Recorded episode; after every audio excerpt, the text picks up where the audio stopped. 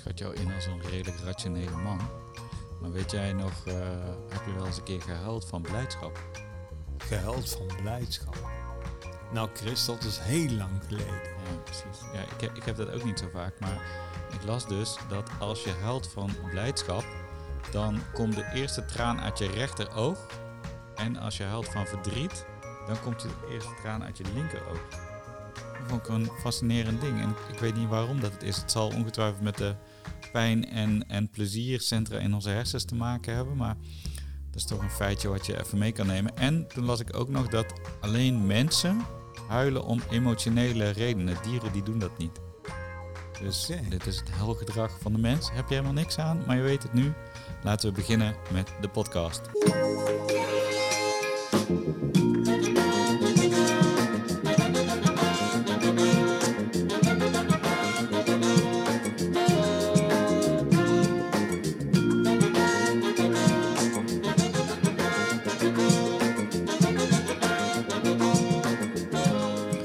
Dames en heren, van harte welkom bij Current Obsession, de leukste podcast over marketing en media. Dit is alweer aflevering 46. Mijn naam is Christ Kolen en ik zit hier tegenover niemand minder dan John Walbrink. Ja, Welkom John. ja dankjewel Chris voor de uitnodiging.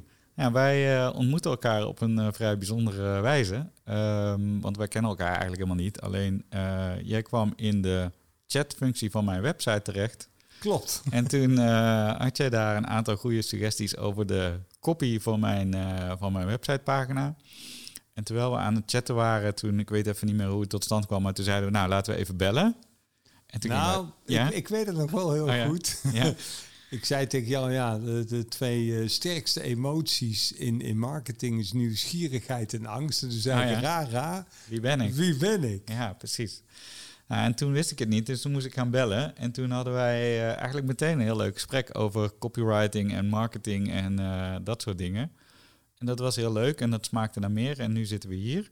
Want jij bent eh, de eigenaar van Walbrink Cross Media. In Klopt. een, ik zit hier in een prachtig, ja wat is het, een kantoorvilla. Klopt, het is een oude kantoorvilla vanuit eh, 1840. Oké, oké. En, en wat jij doet met jouw bedrijf, zit jij met name in, in B2B eh, klanten, als ik het goed zeg. Ja, klopt. Ja.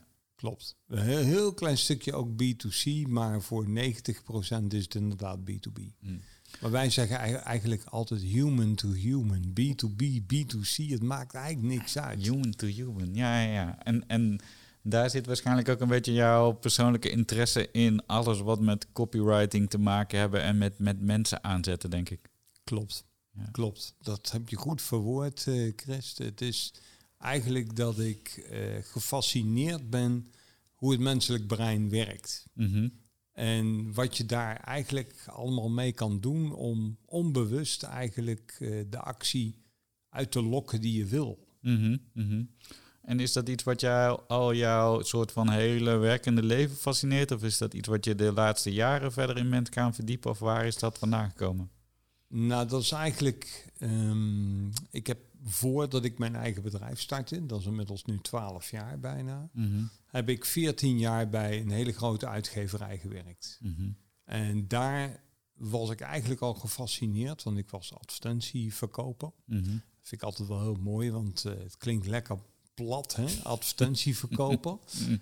Maar dat was ook eigenlijk zo. Alleen directie vond dat niet zo'n mooie naam. Dus die begon met adviseur en die begon met senior account manager en Ja. allerlei en communicatiebegeleidingsadviseur. Nou, maar eigenlijk eh, ja, was het eh, in de B2B dat je dus eigenlijk moest zorgen dat bedrijven leads gingen krijgen. Mhm. Nou, en daar werd ik eigenlijk al door gegrepen van hoe bedrijven op dat moment communiceerden. Mhm.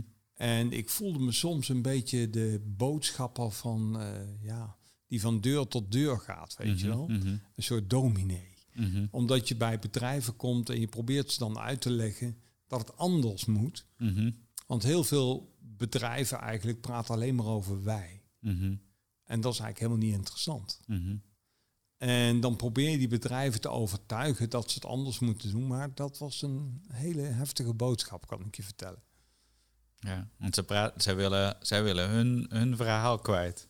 Ja, Terwijl Jij zegt dan eigenlijk, ja, maar als je de effect mee wil sorteren, dan eh, moet je het omdraaien.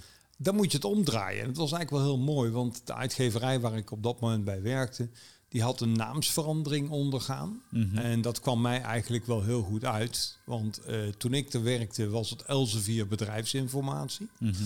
En toen gingen ze van Elsevier Bedrijfsinformatie, werd het Read Business. Mhm. En omdat ik op dat moment, ik was verantwoordelijk voor 10,2 miljoen euro advertentieomzet. Dus dat is toch wel behoorlijk wat. En dan kreeg ik vaak eh, verkopers, aankomend verkopers. En die moest ik dan op sleeptouw nemen. En dan had ik altijd één hele mooie stelling. Mhm. En dan zei ik altijd, 80% van de tijd praat je met de klant over zijn business. En 20% van de tijd praat je over read business. Mm. Dus ik was wel blij met die naamsverandering, want dan kon ik eindelijk die slogan eh, erin gooien. Maar dan zie je wel dat een heleboel mensen daar moeite mee hebben. Want iedereen wil gelijk zijn verhaal kwijt. En wij zaten toen eigenlijk in een ja, soort transformatie. We gingen van print naar digitaal. Mhm. Dus al heel snel merkte je dat eigenlijk accountmanagers gelijk de koffer losdeden en zeiden... Nou moet je kijken wat we allemaal voor je hebben. We hebben nieuwsbrieven, we hebben banners, homepage takeovers. Je kunt bij ons video's inkopen, nou werkelijk alles. En na drie kwartier zag je die klant helemaal onder de tafel verdwijnen. Zo van, joh, het interesseert me eigenlijk helemaal niks. En dat was eigenlijk het grote gevaar.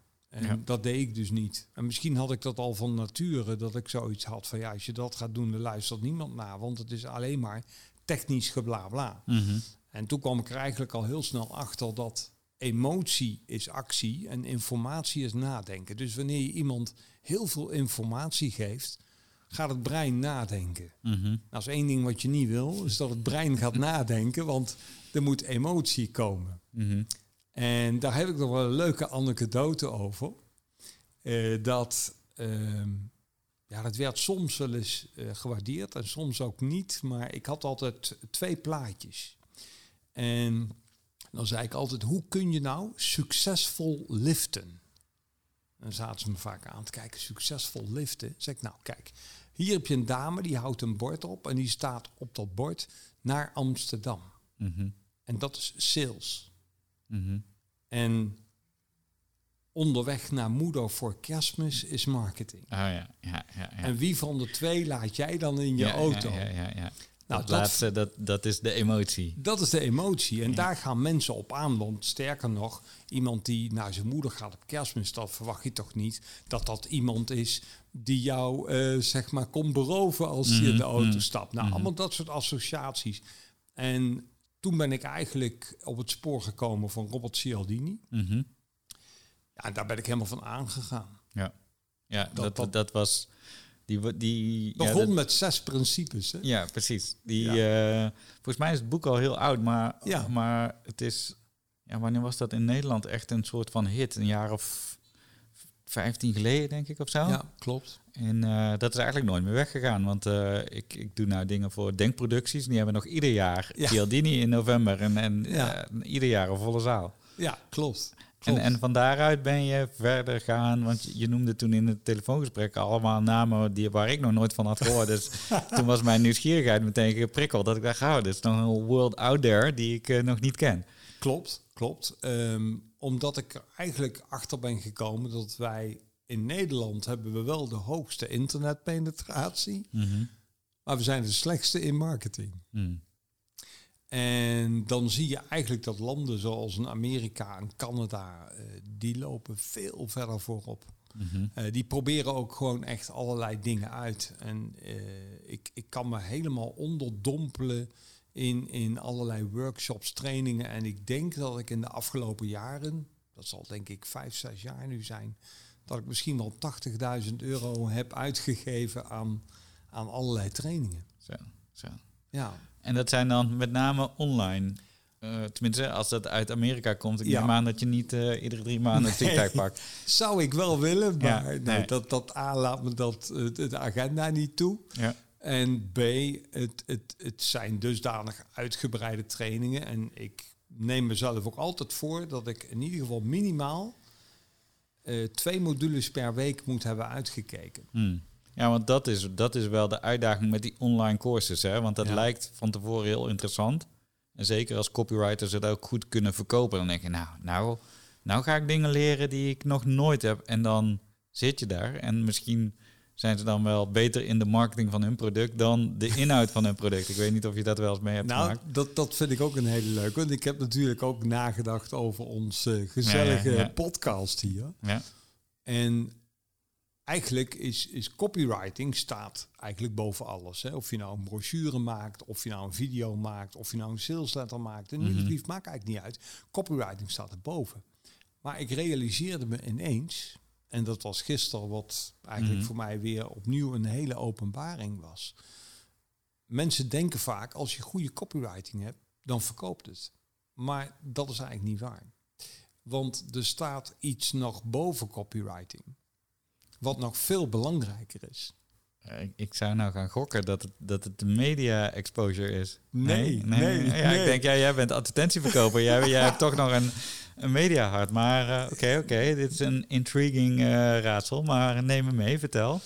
Nou, eigenlijk wat er boven copywriting staat. Want al is je copywriting nog zo goed, maar je aanbieding is waardeloos. Mhm, En er zit geen goede risk reversal in. mhm, eh, dan ga je het niet kopen. mhm, En Frank Kern, dus een van degenen ja, ja, die, ja, die, die heb ik je jou aanraden, die zegt, boven copywriting staat gewoon je aanbieding. Dus ga nou werken vanuit je aanbieding. Ga kijken, wat heb ik te verkopen en wat kan ik doen, alles in het werk stellen om eigenlijk die angst weg te nemen om het te moeten kopen. Mhm, Want dat is weer een andere, Dan Kennedy, nou die Mhm. ken je wel. mhm. En die zegt ook heel mooi, wat staat er eigenlijk tussen de aanschaf van het product en het product zelf? Angst. Mhm. En dat vind ik een hele mooie, want mijn me meeste bedrijven waar ik mee praat, die zeggen dan, ja, angst, het is, het is toch eigenlijk vertrouwen? Dan zeg ik, dat is een hele mooie, want vertrouwen komt na angst. Hè, Dus Mhm. er staat wel degelijk angst tussen de aanschaf van je product. En ja, dat, dat fascineert mij dus. Dus eigenlijk als je een goede pagina wil maken, en nou zeg ik eigenlijk zo meteen iets wat, wat ons vak eigenlijk een beetje onderuit haalt dan. Je copywriting hoeft eigenlijk helemaal niet zo goed te zijn. Als je aanbieding maar zo goed is, dat Mhm. mensen denken van ja, dit is een no-brainer. Mhm. Maar, ehm, dus ik ga hierin mee. Ehm, het aanbod, dat is wat mensen kopen en dat, dat moet goed zijn, moet aansluiten bij de behoeften. De pricing Ja. moet goed zijn, allemaal dat soort dingen. Ehm, en ik vind ook die, wat staat tussen de consument en de aankoop is angst, vind ik ook al een, een tegeltje waard. Maar uiteindelijk is copywriting dan, ja, hoe moet je het zeggen? Je neemt eigenlijk iemand aan de hand. Aan de hand van je verhaal leid je hem eigenlijk, zeg maar, naar dat product toe. Klopt. En, en ja, weet je, natuurlijk moeten we het een beetje zwart-wit maken, maar eh, om nou te zeggen, copywriting is helemaal niet belangrijk, dat, dat gaat toch een klein steekje in mijn hart. Ik, ik kan me dat helemaal voorstellen, want to- toen Frank Kern dat zei, toen kreeg ik ook in Ja. één keer een flinke steek. Zo van, oh, Ja. het is eigenlijk dus helemaal niet zo belangrijk wat ik doe. Mhm, mhm. Maar ik kan me er wel, ik, ik kan wel erin meegaan. Want als je kijkt naar bijvoorbeeld de, de tripwire funnels, Mhm. nou, die, die Ja, kennen we klei- die allemaal. kleine, Hè, die, die, die kleine funnel. goedkoop product om, om mensen binnen te halen, zeg ja, maar. ja. Ja. nou, Frank Kern die had daar een hele mooie voor. En ik ben er natuurlijk weer ingestonken van het weekend. Maar ja, goed, wel een hele goede eh tripwire. En dat was eigenlijk voor 4 dollar vier cursussen. Mhm.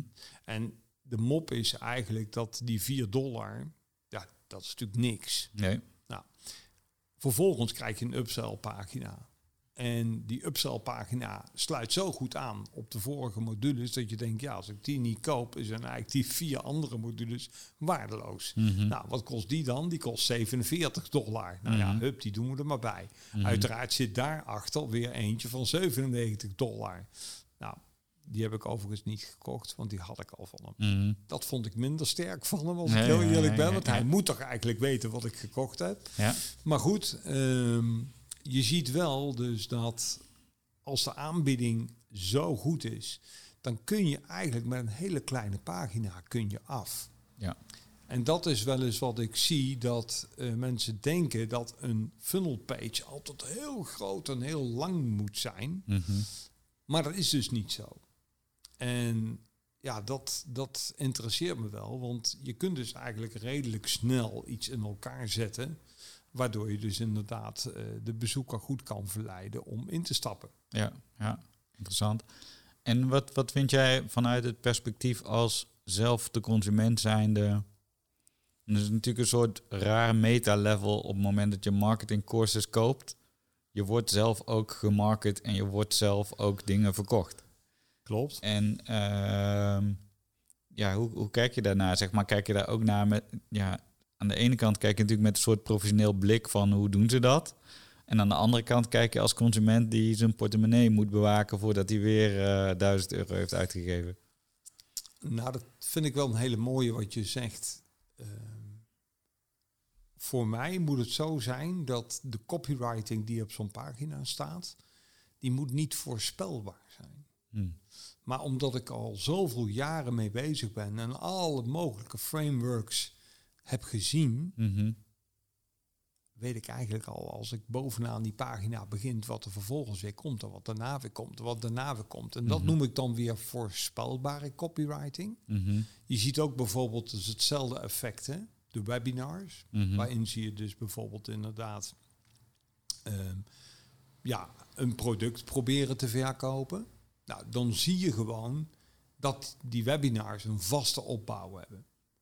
Ja, dan ben ik al weg. Mhm. Dan weet ik van, jongens, spoel maar door. Kom Ja. nou maar met die aanbieding. Ja, En je ziet nu ook dat die type webinars niet meer zo succesvol zijn Ja. als dat ze waren. Ja, het is grappig, want mijn vorige gast in mijn podcast was eh, Ralf eh, van Lieshout. En hij postte ook laatst iets over, hij noemde dat dan eh, trucjesmarketing, maar waarmee hij eigenlijk bedoelde, ehm, met name op LinkedIn post, als dat een soort voorspelbaar framework volgt, dan op een gegeven moment ga- zijn mensen dat ook een beetje moe.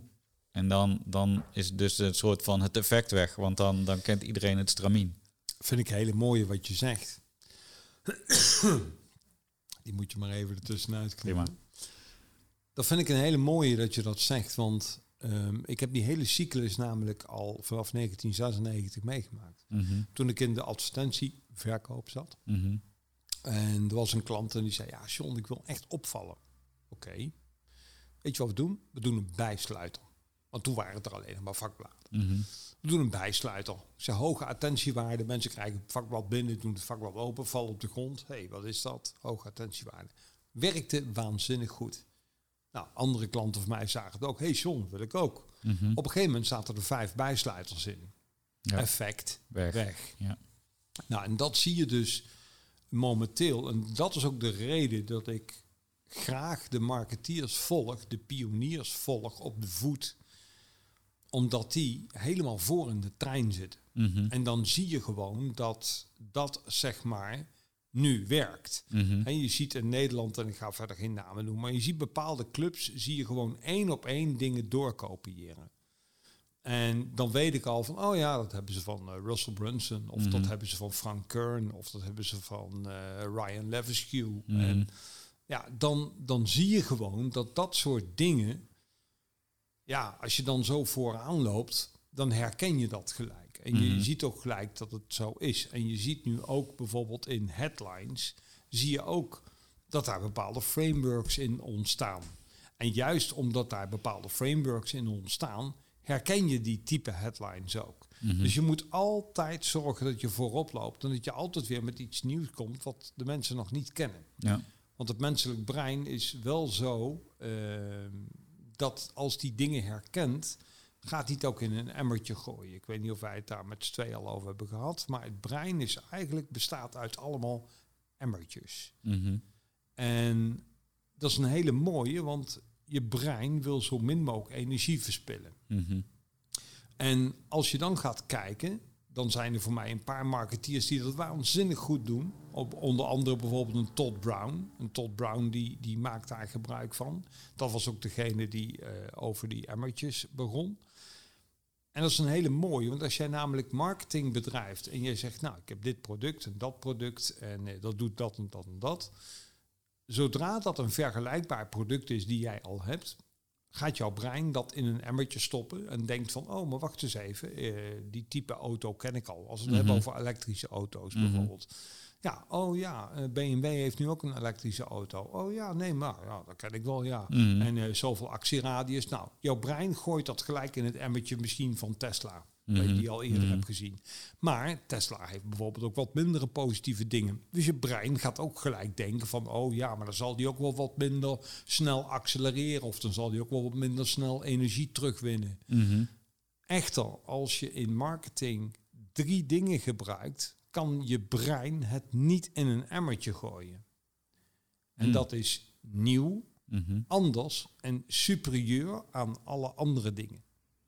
Jouw Hmm. brein kan dat niet plaatsen in een emmer. Dus ben je volledig gefocust op hetgeen wat je aangeboden krijgt. Nou, dat vind ik bijvoorbeeld een hele sterke. Hè? Dus En Dit komt van To- Todd Brown. Todd Brown. Oké, Ja.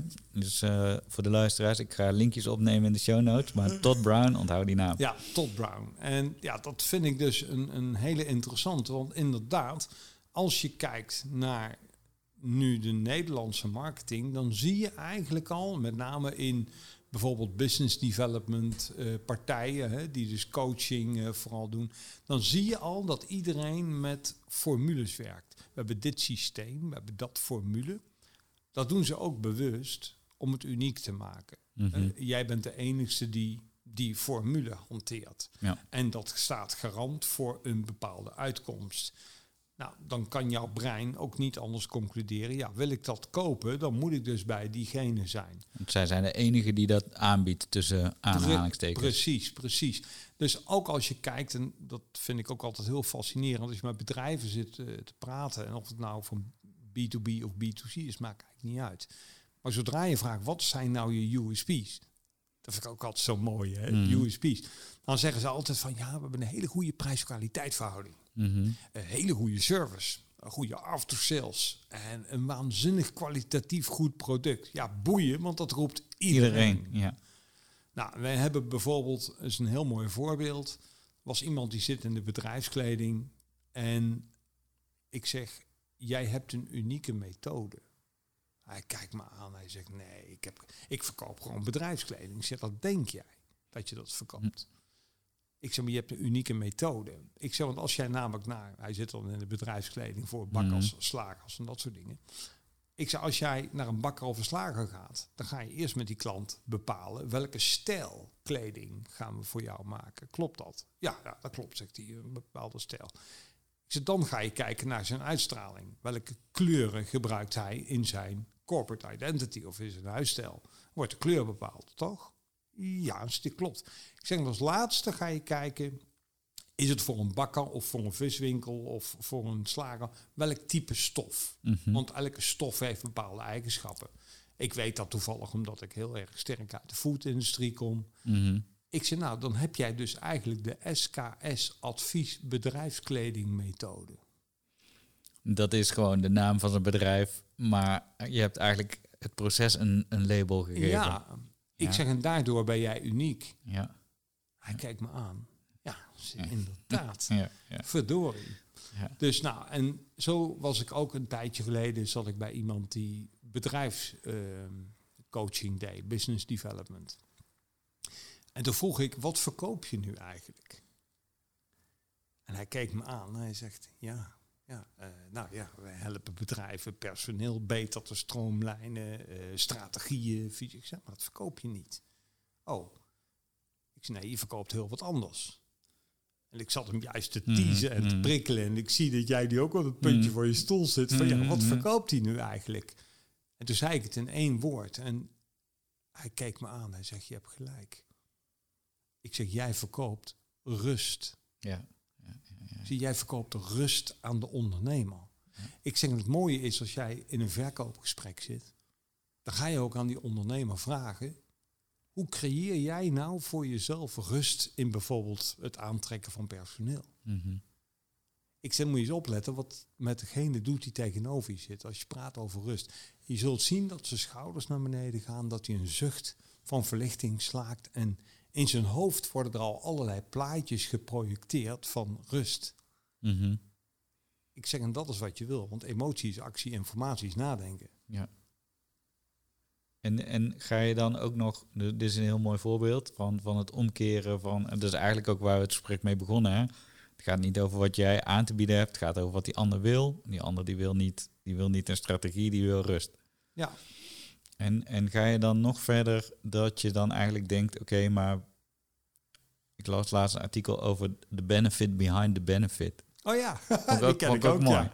Ja. Want dan denk ik eigenlijk ook weer, ja, oké, rust is één ding. Ja, Maar is- de rust levert hem ook nog iets op. Ja, dan moet je zeker Frank Kern eh, gaan kijken. Want eh, die heeft namelijk, hij noemt dat de flaws. hè? Oké. Dus, dus een flaw, een, een- iets wat niet goed werkt. En daar heeft hij drie kolommetjes naast. Hoe kun je die flaw in drie benefits ombuigen? En, en een flaw is dan eh, stress Ja. bijvoorbeeld. Iets wat niet goed gaat. Ja, bijvoorbeeld. Hm. En dan? Maar ook bijvoorbeeld, eh, stel dat jij een product hebt. Mhm. En je verkoopt een e-book. Mhm. En dat e-book is 68 pagina's. Mhm. Nou, dat kan zijn dat je denkt, oh, 68 pagina's, best wel lang. Maar als je de benefits omdraait, dan zeg je, nou, je kunt het in één middag hebben uitgelezen. Hm.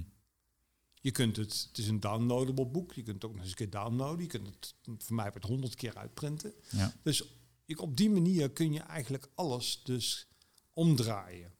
En dat is wel mooi, want wij, hebben daar, wij zijn zelf ook continu bezig om eh, zeg maar te vernieuwen. En wij noemen dat eigenlijk het moordzaakprincipe. Het moordzakenprincipe. Ja, Vertel. nou dat is eigenlijk als jij, Christa, als jij beschuldigd wordt van moord, dat is niet zo mooi. Nee.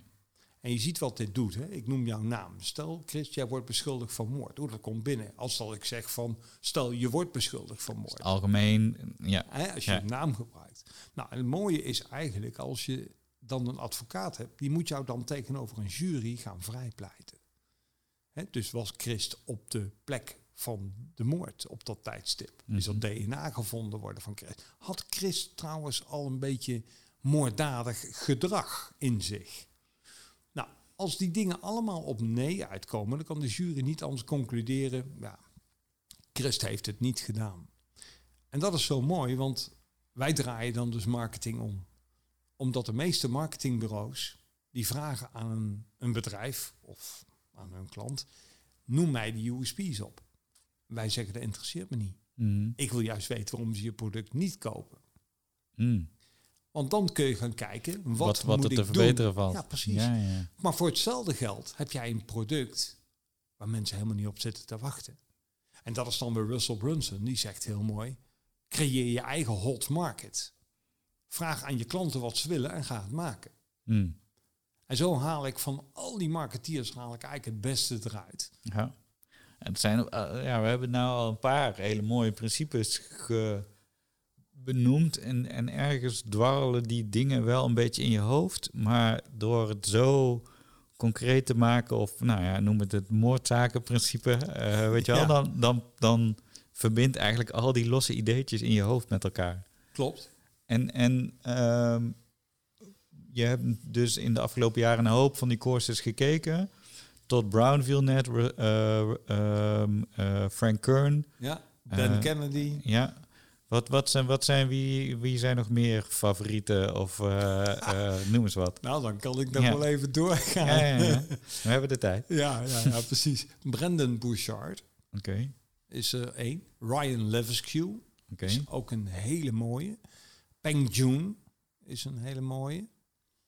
En eh, Scott, Scott Oldford is ook een hele mooie. Steve Larsen is een hele mooie. Ik ken dus geen één naam van deze, al deze mensen. Nee.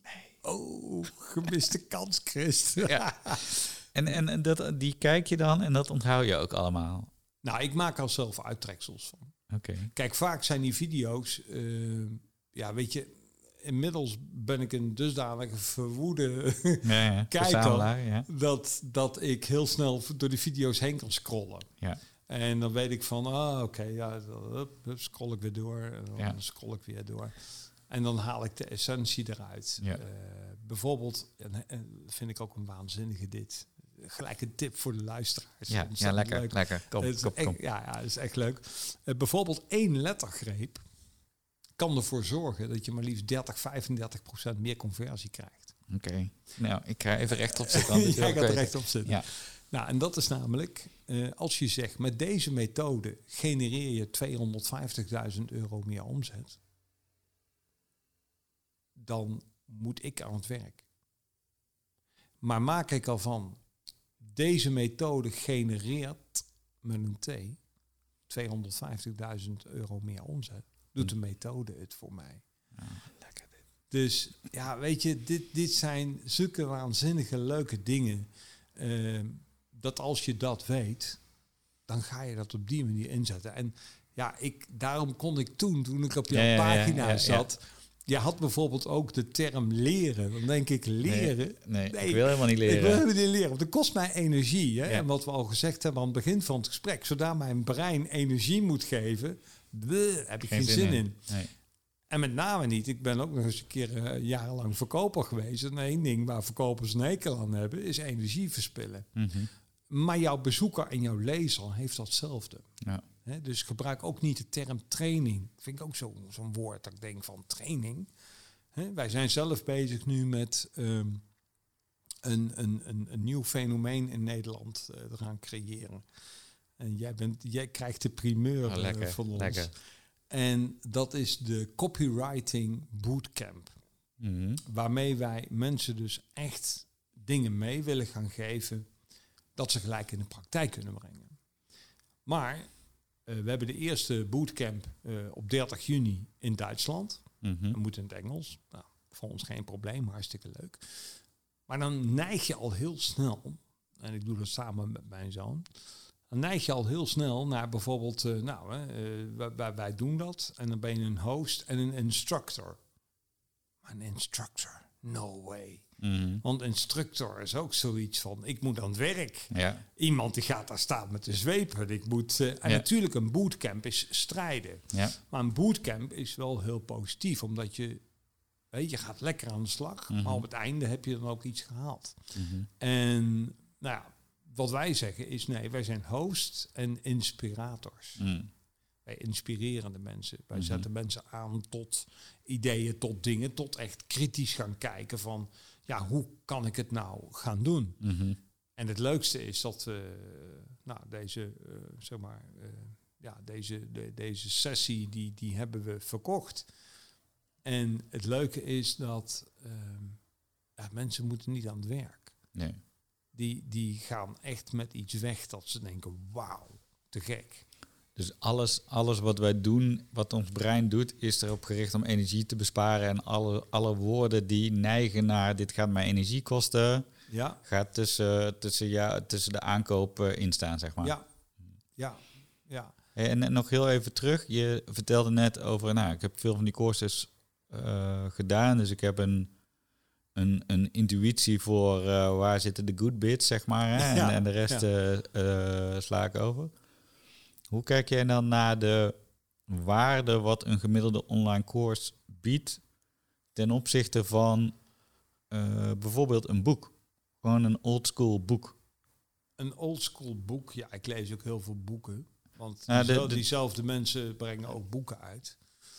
Het, het probleem vind ik altijd, en ga maar eens kijken. ehm, en dat is in mijn optiek de grootste valkuil. Eh, bijvoorbeeld, kijk- kijk naar een evenement wat er binnenkort aankomt. En dat is dan eh, Nederland groeit of NL groeit, weet ik veel. Dat zag ik voorbij komen. Of de Amsterdam Business Forum op 19 september georganiseerd door Denkproducties. Bijvoorbeeld. Koop nu je kaarten. Ja, bijvoorbeeld. nou, dat is ook een hele leuke. Koop nu je kaart. En dan moet je wel gebruik maken van wat Martin van Kranenburg zegt. Hè, de Hopsus plus 1. Want dan moet je eronder een klein dingetje zetten van bekijk hier het programma. Ja. Hè, bestel Ja. je kaarten of bekijk hier het ja, programma. Maar kijk, wat, wat mij altijd stoort, is dat het altijd eenrichtingsverkeer is. Iemand gaat op het podium staan en die gaat jou vervolgens vertellen zijn succesverhaal. Mhm. Ik hoor liever geen succesverhalen. Ik hoor liever waar het allemaal mis is gegaan. Want waar het mis is gegaan, daar leer ik veel meer van. Mhm. Een Amerikaan, en dat is ook wel weer heel typerend, een Amerikaan gaat juist trots op zijn faillissementen. Mhm. In Nederland willen wij dat niet horen, Nee. dat Nee. je failliet bent geweest. Maar een Amerikaan die zegt duidelijk van, nee, je moet minstens twee, drie keer flink op je bek zijn gegaan.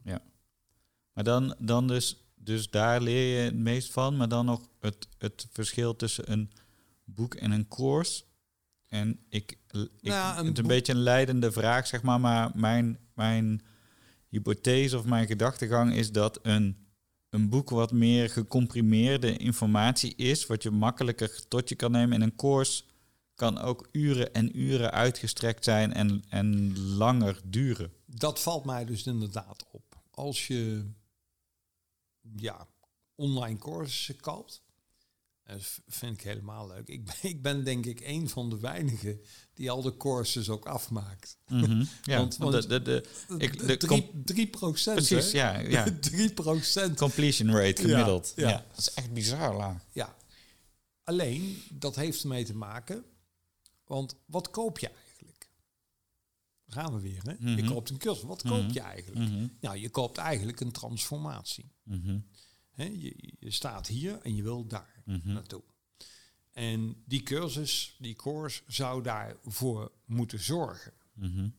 Alleen omdat jij nog niet geproefd hebt dat het werkt, kost het jou energie, tijd die je als ondernemer toch al niet hebt, Mhm.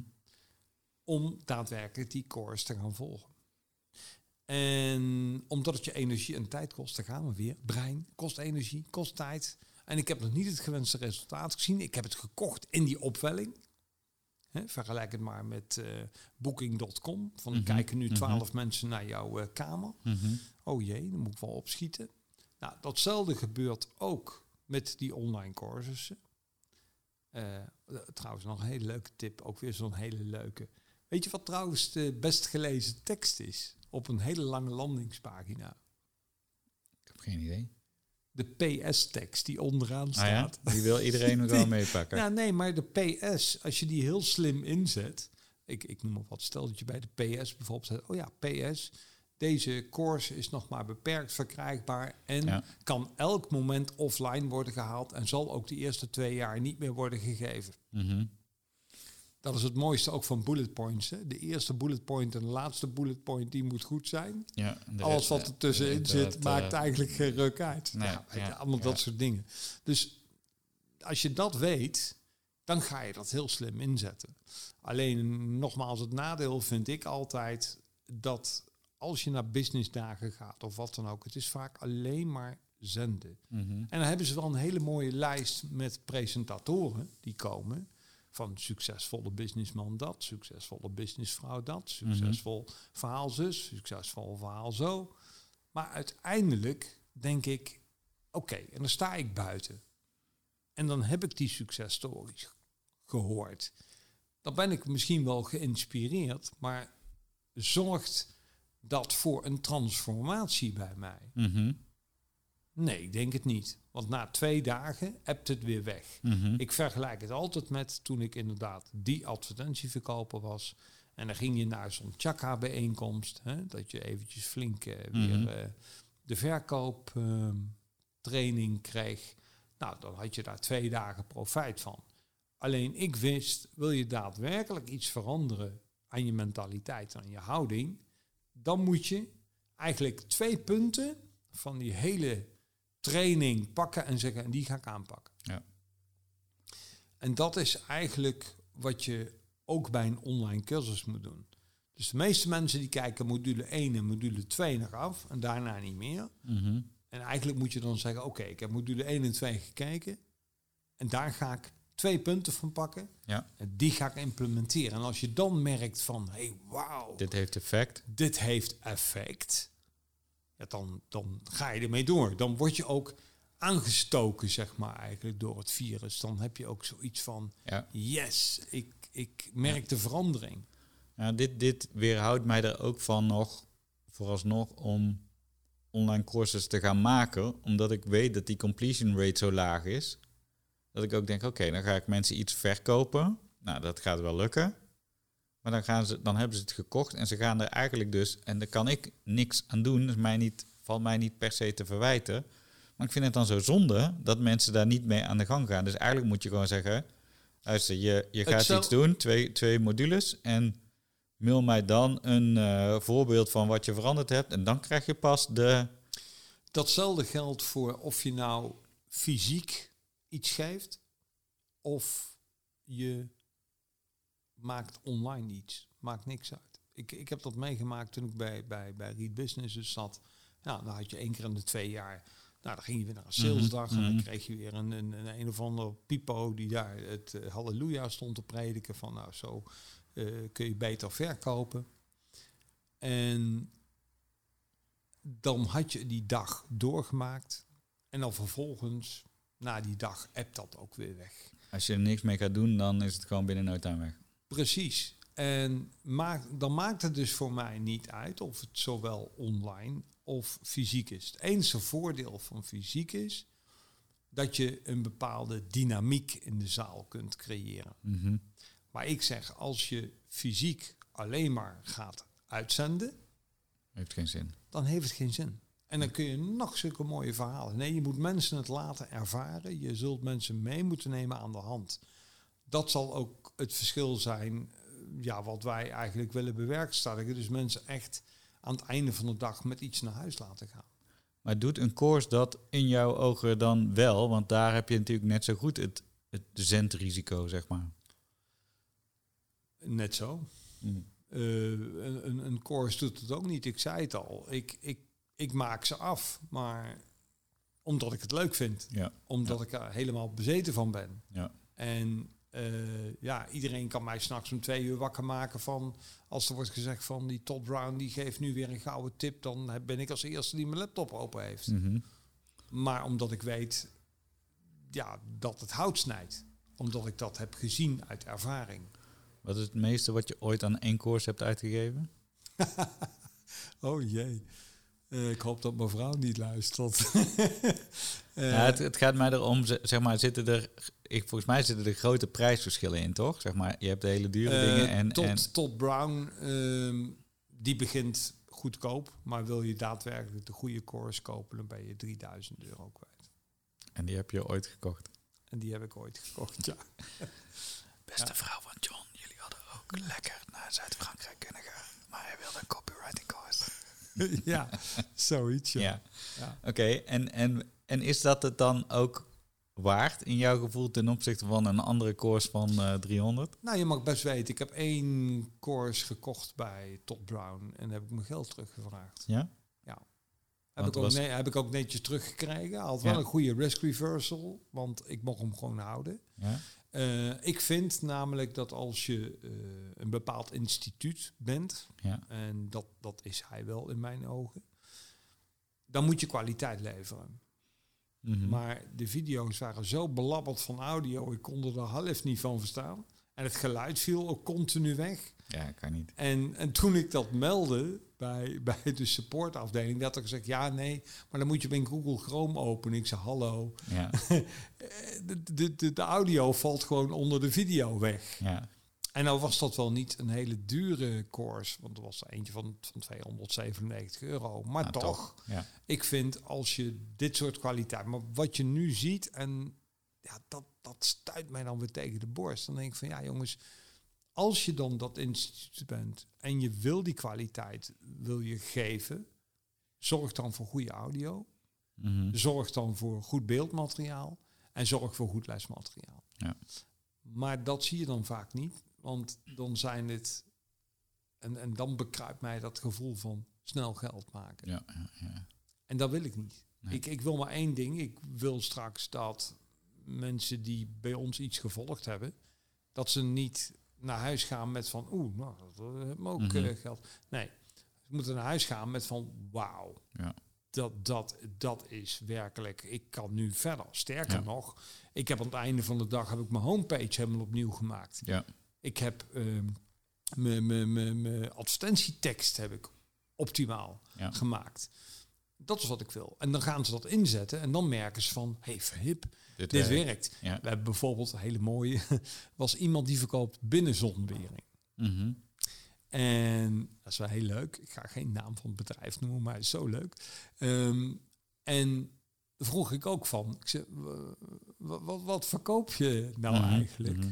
Ja, we verkopen zonwering. Zei, ja, nee, dat klopt. Je verkoopt zonwering.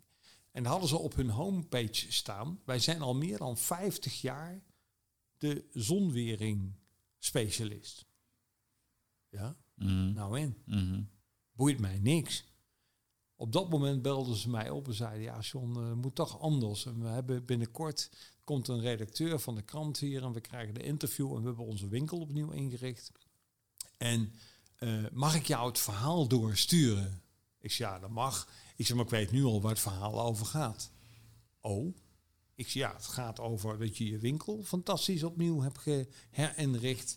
Dat je al 50 jaar daar Kwaliteit zit. levert. En dat je eh, fantastische nieuwe designs en dat de mensen hoog nodig naar jouw winkel moeten komen en weet ik veel. Nou, ze viel helemaal stil. Ja, dat klopt. Ik zie ja. Ik zeg, maar dat gaat dus niet werken. Nee. Oh, nou, toen heb ik ze een bepaald framework doorgestuurd met bepaalde vragen. En dan moest dan die redacteur, die moest daar een nieuw verhaal van maken. Uiteindelijk, die, die redacteur die was van de kranten en dat was een beetje een old school. Dus dat werd het niet. Dus uiteindelijk hebben wij het verhaal Mm. geschreven.